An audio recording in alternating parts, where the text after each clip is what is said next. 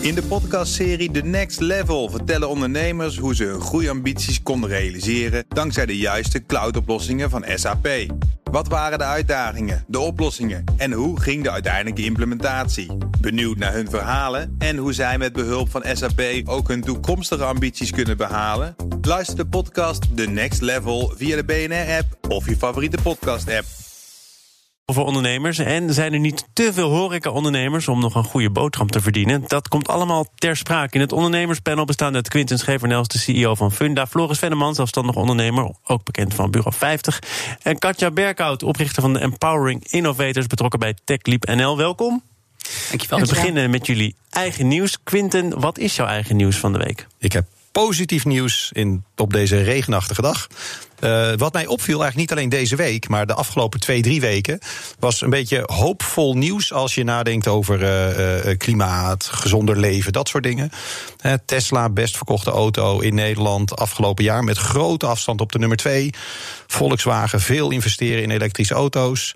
Vlees komt min 6% rundvlees vorig jaar, min 10% varkensvlees. In, Engeland, in Nederland overigens nog in de plus? Dat weet ik, dat heb Ja, ik eigenlijk helemaal niet gezien. Ja? in ieder geval een run op grondstoffen ook voor vleesvervangers. Het, eh, dus dat zo is een positief houden. Ja. Nou ja, nee. Hey, jammer, zo zo leuk geprobeerd. Ja. Nee, maar ik ben in de regel ben ik best wel eh, over dat soort dingen. Hè. Je, hebt, je hebt best wel wat verandering nodig in de wereld, eh, denk ik. Maar ik vond met name als je dat ook ziet over veranderend eh, vleesgedrag, wat natuurlijk überhaupt voor mensen gezonder is, maar ook voor het klimaat. Als de consument zijn gedrag daadwerkelijk gaat veranderen, dan heb je de echte verandering. Hè. Dan hoeven, de, de overheid hoeft dan veel minder dingen te gaan doen en zo. Dus er waren een paar dingen. BlackRock, meer dan 40 miljard investeren in eigenlijk allemaal dingen gerelateerd aan eh, eh, ja, klimaat, technologie, noem maar op. Dus ik zag zo waar in eh, januari allerlei lichtpuntjes. En dat, viel me terwijl wel je op. helemaal nat geregend hier bent gearriveerd. terwijl je hebt op Twitter steun gezocht. Nou, het mag ook worden uitgesproken. Fijn dat je er bent. Ja, dank dat je je. op de fiets de studio hebt bereikt. Floris, wat is jouw nieuws? Ja, ik eh, eh, eh, lees de krant zo af en toe nog wel eens. En toen kwam ik gisteren in het ehm, Financiële Dagblad eh, tegen... topambtenaar Economische Zaken verschuif innovatie naar Europees niveau. En toen dacht ik, dit kan niet de bedoeling zijn. Je bent nog aan het kan bijkomen. niet de bedoeling zijn. Ehm, op zich ehm, had, eh, staat er ergens, ik lees heel even voor uit andermans werk. Het Nederlands innovatiebeleid kan alleen slagvaardig zijn als het in Europees verband vorm krijgt. Bovendien moet de overheid keuzes durven maken eh, door bepaalde vormen van innovatie gericht te ondersteunen. Met het tweede deel ben ik het volstrekt eens. Kies en je wordt gekozen. Dus die vind ik ontzettend goed. Maar waarom we dat nou allemaal weer op Europees niveau moeten gaan doen. en waarom we ons überhaupt als overheid daar heel veel druk mee moeten maken. Ik denk dat we in Nederland vooral eens moeten beginnen met accepteren dat we super gave MKB-bedrijven hebben. die hele innovatieve dingen doen. en daar vooral ruimte voor geven.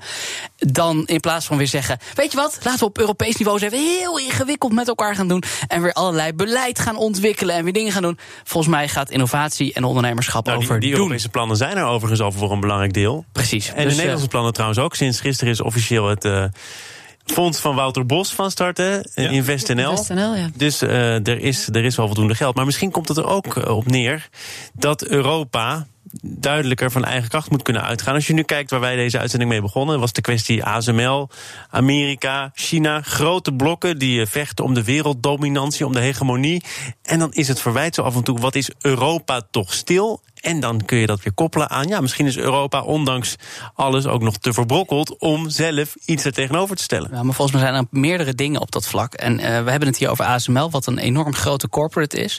En volgens mij komt een heel groot deel van eh, innovatie nog steeds van die MKB-ondernemer. Die gewoon in een, eh, om toch maar heel even het romantische beeld op te roepen, in dat kleine kantoortje of dat, die schuur dingen zit te bedenken en te ontwikkelen. Ehm, en volgens mij gaat die zijn weg wel vinden, uiteindelijk. Ja, Dus ik- die heeft denk ik niet zozeer. Europa nodig. Nee. Sorry? Maar die heeft wel te maken met een hele versplinterde Europese markt. Waar die per markt 28 landen eh, elke keer opnieuw zijn efforts eh, moet steken. Ik zie wel kansen voor zo'n Europese samenwerking. Bijvoorbeeld rond zo'n stikstofdebat. Waarom hebben we nog steeds geen op elkaar aangesloten Europees eh, railnetwerk? Als een vervanger van, van korte vluchten en, en uitstoot via vliegtuigen. Ik denk dat dat problemen zijn waar Europa zijn tanden heel goed in kan zetten. En waar innovaties ook een grote rol kunnen spelen. Om misschien de nieuwe vervoersmogelijkheden van de toekomst toekomst te creëren. Waar MKB'ers gebruik kunnen maken van effectief. Ben ik het helemaal mee eens als je het zo zegt. Als ik dit stuk lees, en ik heb een stuk er even op nageslagen, wat op de website van het ministerie is gepubliceerd, dan staat daar bijna letterlijk: weet je wat, laten we het gewoon allemaal uit Nederland op Europees niveau dagen. Dat we er op ons Nederlands niveau niet meer druk over maken. Ik geloof niet dat dat de bedoeling is. Nee, eens. eens. Je kan het waarschijnlijk heel gericht doen op een aantal dossiers. Precies. En daar is het prima, want dat moet je Europees aanpakken. Maar heel veel moet je natuurlijk gewoon uh, lokaal, de ondernemer zelf. Ja, precies. Katja, ik zie jou nu in één keer toch wel weer instemmend knikken. Of zit je hier nog wat tegenover? Nee, nee ik ben het helemaal daarmee oh, eens. Weet je, er zijn bepaalde dingen die je denk ik in Europa heel goed kan regelen. Andere die je uh, in ondernemers heel goed kunnen tackelen. grote uitdagingen waar ondernemers oplossingen voor maken. Uh, dus daar kan ik me helemaal in vinden. Ja, maar zijn er ook Nederlandse ondernemers die nu proberen aanspraak te maken op Europese subsidies? Die zijn er al. Dus. en dan zou je zeggen, nee, blijf daarom, vooral doen of niet? Precies, nee, nee, nee, maar goed, kijk, als jij als op, op individueel niveau als ondernemer zegt... ik wil stappen maken en ik heb daarvoor bepaalde subsidies voor nodig... weet je, hartstikke goed. Maar überhaupt vind ik altijd overheid en ondernemerschap blijft altijd een beetje tricky. Hoe ver moet je als overheid bemoeien met ondernemers? Um, maar ik vind als jij als onderneming zegt... Joh, we kunnen aanspraak maken op een bepaalde subsidie of een bepaalde regeling... of we willen dit over meerdere landen uitrollen... en daardoor kunnen we een beetje door de Europese overheid geholpen worden. Perfect, hartstikke goed. Maar laten we alsjeblieft niet uh, dit soort dingen gaan roepen met... weet je wat, we laten het allemaal naar Europa over... want ik vrees dat je daarmee de kleine ondernemer die op Nederlandse schaal of op Benelux-schaal dingen aan het doen is, uh, de pas afsnijdt. Katja, wat is jouw nieuws?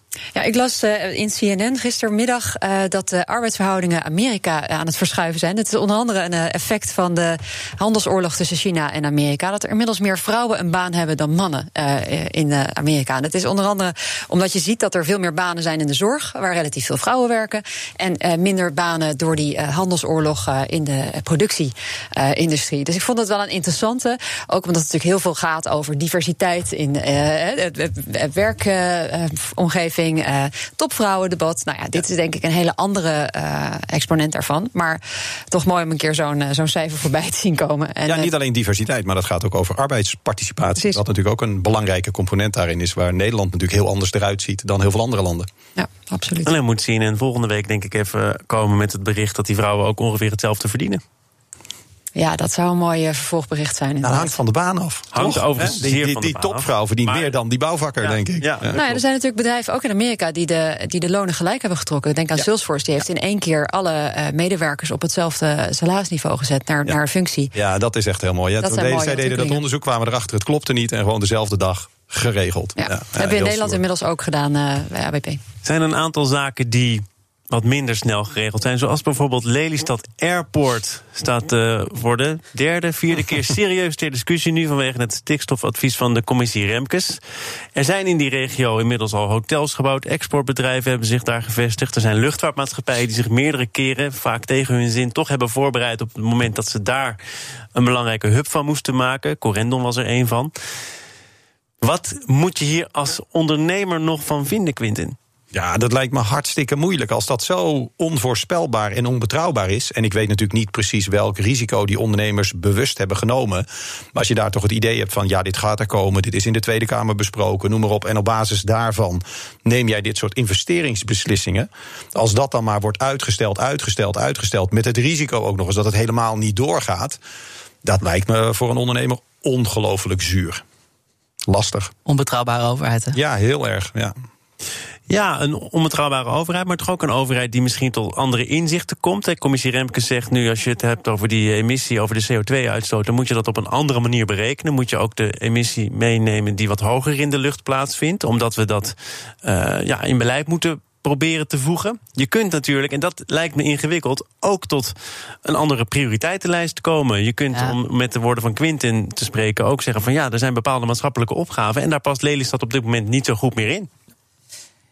Ja, ja, ja, goed. Ja, ik heb sowieso ben ik, uh, ik, ik moet dit regelmatig uitleggen. Kijk, dat hele tijd hashtag vliegschaamte, daar heb ik niet zo'n persoonlijke last van. Ik denk dat als we echt impact willen maken op het milieu, dan is volgens mij niet vliegen het probleem. Maar volgens mij zijn er dan grotere problemen. Ik noem vrachtschepen die massaal nog steeds heel veel uitstoten. Ik heb mij wel eens laten vertellen, als we gewoon op uh, uh, vrachtschepen kunnen maken die gewoon op elektriciteit, zonne-energie kunnen varen, dan hoeven we ons helemaal niet meer druk te maken om wel diesel of niet elektrisch of wel elektrisch. En nou, in ieder geval, over dat soort dingen kunnen we dan loslaten. Volgens mij moeten we ons daar dan mee bezighouden. Schaal. In plaats van op kleine schaal proberen impact Nee, dat snap te ik maken. wel, maar als je, ik, ze komen hier namelijk eh, om de dag zo ongeveer voorbij. De sectoren die naar elkaar wijzen. Nou, maar ja, de vliegen, nee, maar de, de scheepvaart, nee, maar wij zelf als vleeseters, ja, iemand moet het wel gaan doen. Ja, nee, maar daar ben ik helemaal mee eens. En iedereen moet dus eigenlijk beginnen met dat stukje waar hij zelf mee kan beginnen. Want als je dat doet en er ook op aan kan dat anderen dat ook doen, daarop kan vertrouwen, ja, dan gaat er echt wat gebeuren. Hoe klein dat misschien ook is. Of wij doen zelf toch heel weinig. Als je het toch hebt over vliegschaamte of het gebrek daaraan, kwam natuurlijk deze week nog het bericht dat voor het eerst meer mensen met het vliegtuig op Ja. vakantie gaan dan dat ze de auto pakken. Ja. Dus ja, tot zover vliegschaamte zou je dan bijna kunnen concluderen. Ja, ik, ga, ik durf er nu echt niks meer over te zeggen hier. Waarom niet? Want Nee, ik, ik krijg van drie kanten een blik naar mij. ik, hier namelijk. komt hij met een rolkoffertje. Ik begrijp dat je snel door moet naar, naar Ik, eh, Schiphol. ik- Ik ben met de fiets gekomen, niet I say more. Ja, ja, ja, nee, ik durf hier niks meer over te zeggen, regen. Thomas. Nee, Ja. maar, nee, maar ik, ik meen het even Nee, nee, serieus. nee, maar want- kijk, weet je, ik denk, en dat meen ik echt, hè. ehm, ik denk dat ehm eh, we- eh, terecht, volgens mij wat- wat Quinten zegt, van, weet je, het is volgens mij iets wat je, wat- als iedereen een beetje doet, ehm, dan eh, volgens mij komen we dan een heel eind. Eh, ga- gaan zitten wachten met z'n allen naar elkaar wijzen is sowieso geen oplossing. Dus dat, dat ben ik het helemaal mee eens.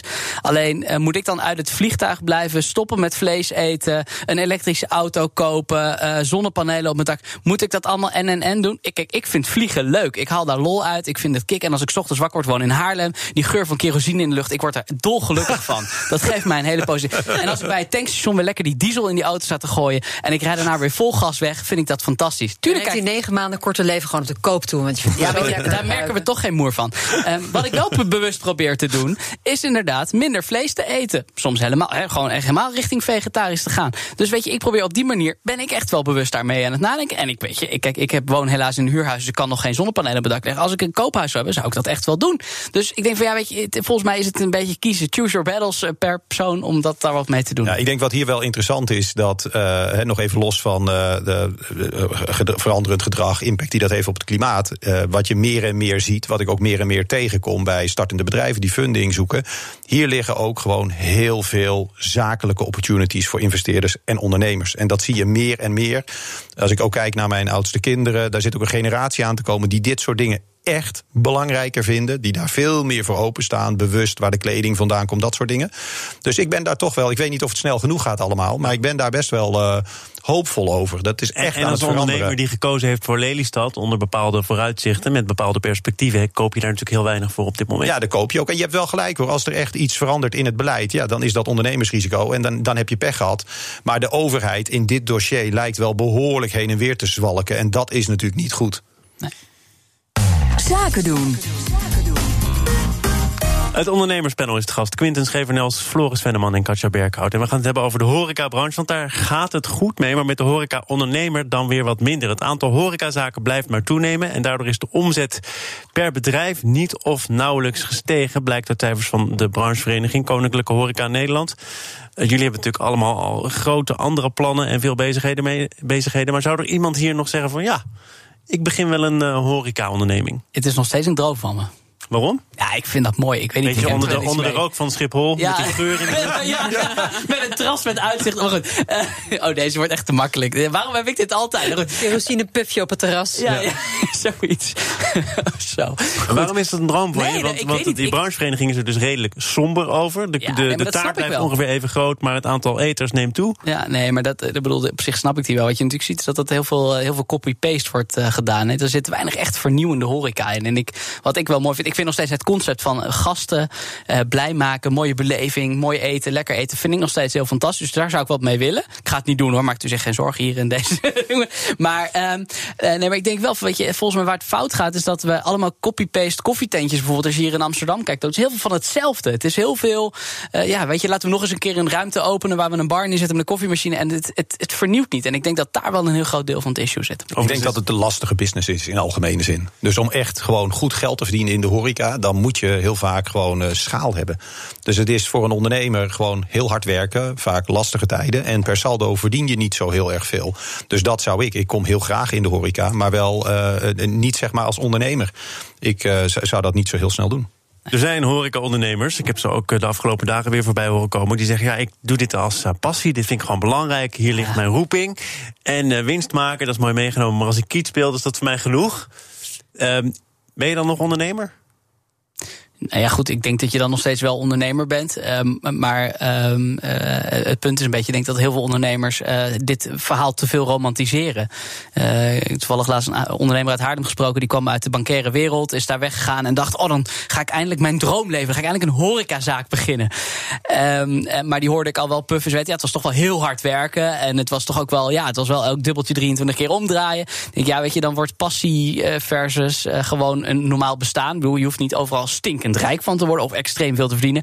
Maar gewoon een normale boterham verdienen uh, en een beetje gewoon een normale werktijd. Kan ik me voorstellen dat het wel vrij belangrijk is. Nou, tegelijkertijd, als jij behoefte hebt aan een bepaald type horeca en, en je gaat dat zelf doen. En er zijn andere mensen die die behoefte herkennen en je verhaal goed vinden. En wat je, wat je te eten en te drinken maakt uh, super lekker vinden. Ja, dan heb je toch weer een succesvol concept neergezet. Absoluut, dat is toch geweldig. Absoluut, en dan hoef je ook per saldo, als je daar uh, niet, niet heel veel geld aan overhoudt, maar heel veel plezier uithaalt, is dat toch Absoluut. helemaal goed. Dan moet iedereen lekker voor zichzelf bepalen. En, ja, helemaal mooi. Voordat we hier de horeca begraven. 64% van alle horecaondernemers heeft toch altijd heel veel vertrouwen in de toekomst. Ik sprak gisteren in dit programma Ron Blauw, de sterrenchef. En die zei ook, joh, positief blijven, anticiperen op nieuwe regels zoals de wet arbeidsmarkt in balans en gewoon doorgaan rammen. Misschien is dat ja, van de mentaliteit. Maar, maar, maar Ron heeft het natuurlijk slim gedaan. Ja. Die, die heeft schaal. Hè. Die heeft natuurlijk ook vastgezeten in één restaurant. En uh, hoe kan je dat een beetje goed doen? En die heeft het heel slim gedaan. Die heeft inmiddels natuurlijk in, uh, in Amsterdam, denk ik, uh, zeven, acht restaurants. En ja, dan, dan kan je inderdaad er een goede boterham mee verdienen. Ja, en die heeft ook wel gewoon er slimmer gedaan om zijn naam te, te, te, koppelen aan allerlei concepten. Waar hij uiteindelijk gewoon een soort van franchise-nemers aangekoppeld heeft. Dus dan, dan kies je er heel bewust voor om echt te ondernemen. En niet in één zaak te blijven staan en, eh, en, en in de pan te roeren en de koffie te maken. Ja, en hele innovatieve concepten ook. Dus dat eh, spreekt natuurlijk mensen ook weer aan. Dat ze iets anders hebben uh, dan ze gewend waren. Zeker. We gaan het hebben over een van de favoriete onderwerpen van Floris. Want moeten de natuurwetten hun werk doen bij een faillissement? Of moet de overheid ingrijpen? Er is die overheid weer. Dat is een vraag die onder andere speelt bij de Britse luchtvaartmaatschappij Flybe. Verkeert in zwaar weer. Overigens niet voor het eerst.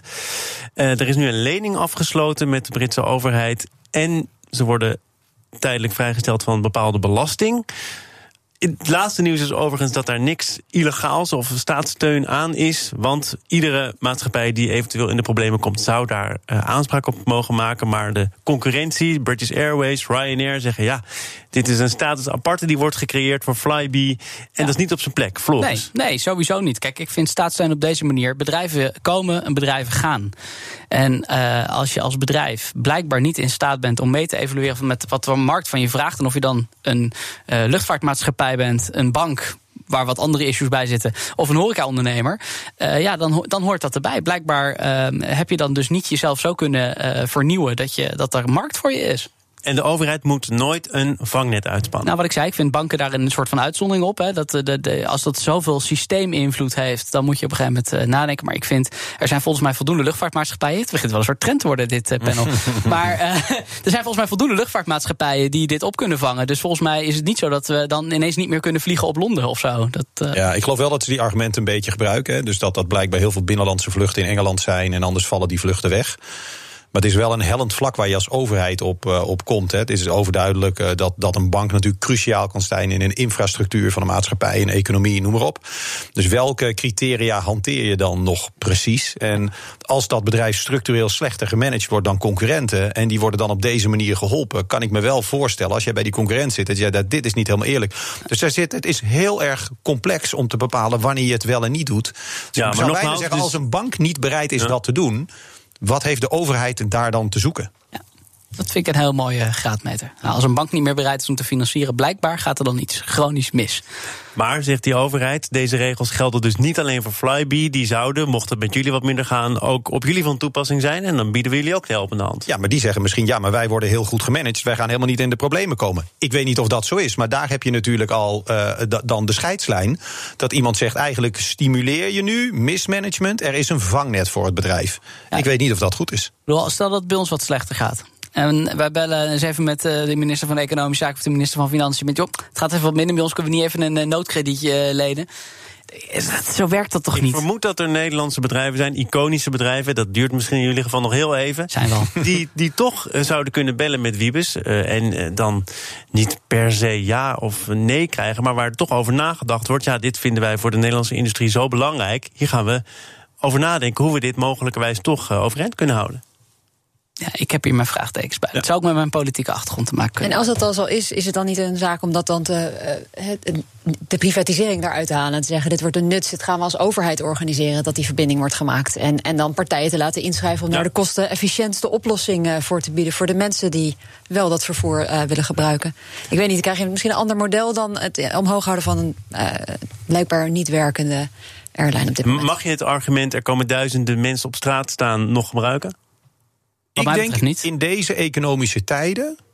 Dat zegt ook wat. Hè. Wij, economisch gaat het natuurlijk, ook in Engeland nog steeds, ondanks Brexit en zo, maar gaat het helemaal niet slecht. Dus als je dan een onderneming niet overeind kan houden, dat zegt ook wel wat. Hè. Ik kan me voorstellen als er een diepe crisis komt en de overheid ziet de werkloosheid oplopen, dat ze hele andere maatregelen treffen om te zorgen dat een aantal dingen gewoon blijven draaien. Maar de werkloosheid is overal ongelooflijk laag. In Nederland loopt het aantal faillissementen ook weer lichtjes op. Ja, misschien ook omdat er heel veel ondernemers zijn waarvan je kunt afvragen: zijn dat ondernemers? Maar goed. Ja, maar in algemene zin draait de economie natuurlijk gewoon ongelooflijk goed. Bedrijfswinsten zijn hartstikke hoog, werkloosheid is ongelooflijk laag. Uh, dus ik denk dat je dan met dit soort steun heel terughoudend moet zijn. Want het is wel heel raar als bedrijven dat in dit soort markten nodig hebben. Volgende week dinsdag, Floris, dan is het Big Improvement Day. Daar wordt op een optimistische manier naar de toekomst gekeken. Zelfs als het wat minder gaat. Er worden faillissementen gevierd, want ondernemers hebben behoefte aan positiviteit, moeten ook inzien dat uit zo'n faillissement iets moois kan komen. Deel jij die opvatting?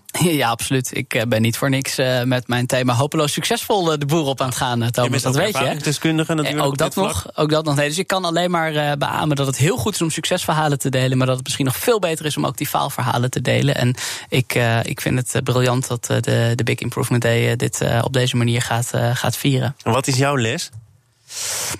Uh, heb je een uurtje? Oh, die hebben we niet, hè? Nee, uh, nee, nee, nee, heel simpel. Maar jij bent een getalenteerde nee. jongen. nee, maar het belangrijkste wat ik volgens mij heb gedaan, of geleerd heb, is stick to the plan. En, en probeer je niet te veel af te laten leiden door allerlei uh, omgevingsdingen die eigenlijk je focus alleen maar vertroebelen.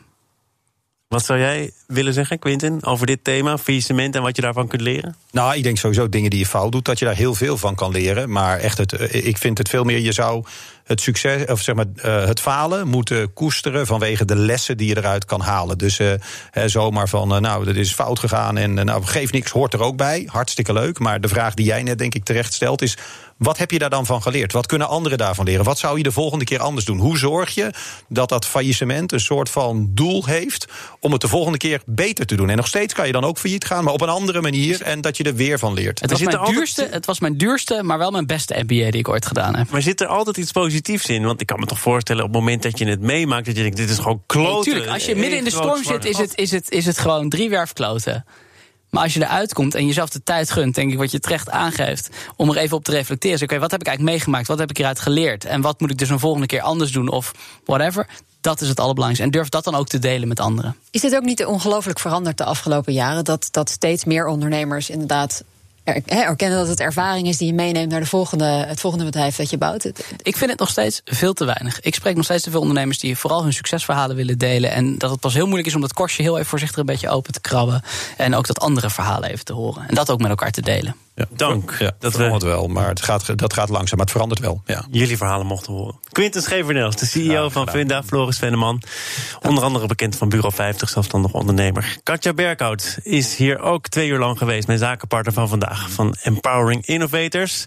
Maandag dan ben ik er weer, maar in het weekend zou je bijvoorbeeld kunnen luisteren naar de CEO-podcast. Elke week een interview met topgasten uit het bedrijfsleven. Deze week het bijzondere verhaal van Arthur Valkiers, de CEO van Hydraloop, winnaar van de Best of the Best Award op 6, die grote technologiebeurs in Las Vegas. Tot maandag en zometeen heel veel plezier met de dagelijkse podcast van het FD en BNR Nieuwsroom. In de podcastserie The Next Level vertellen ondernemers hoe ze hun groeiambities konden realiseren dankzij de juiste cloudoplossingen van SAP.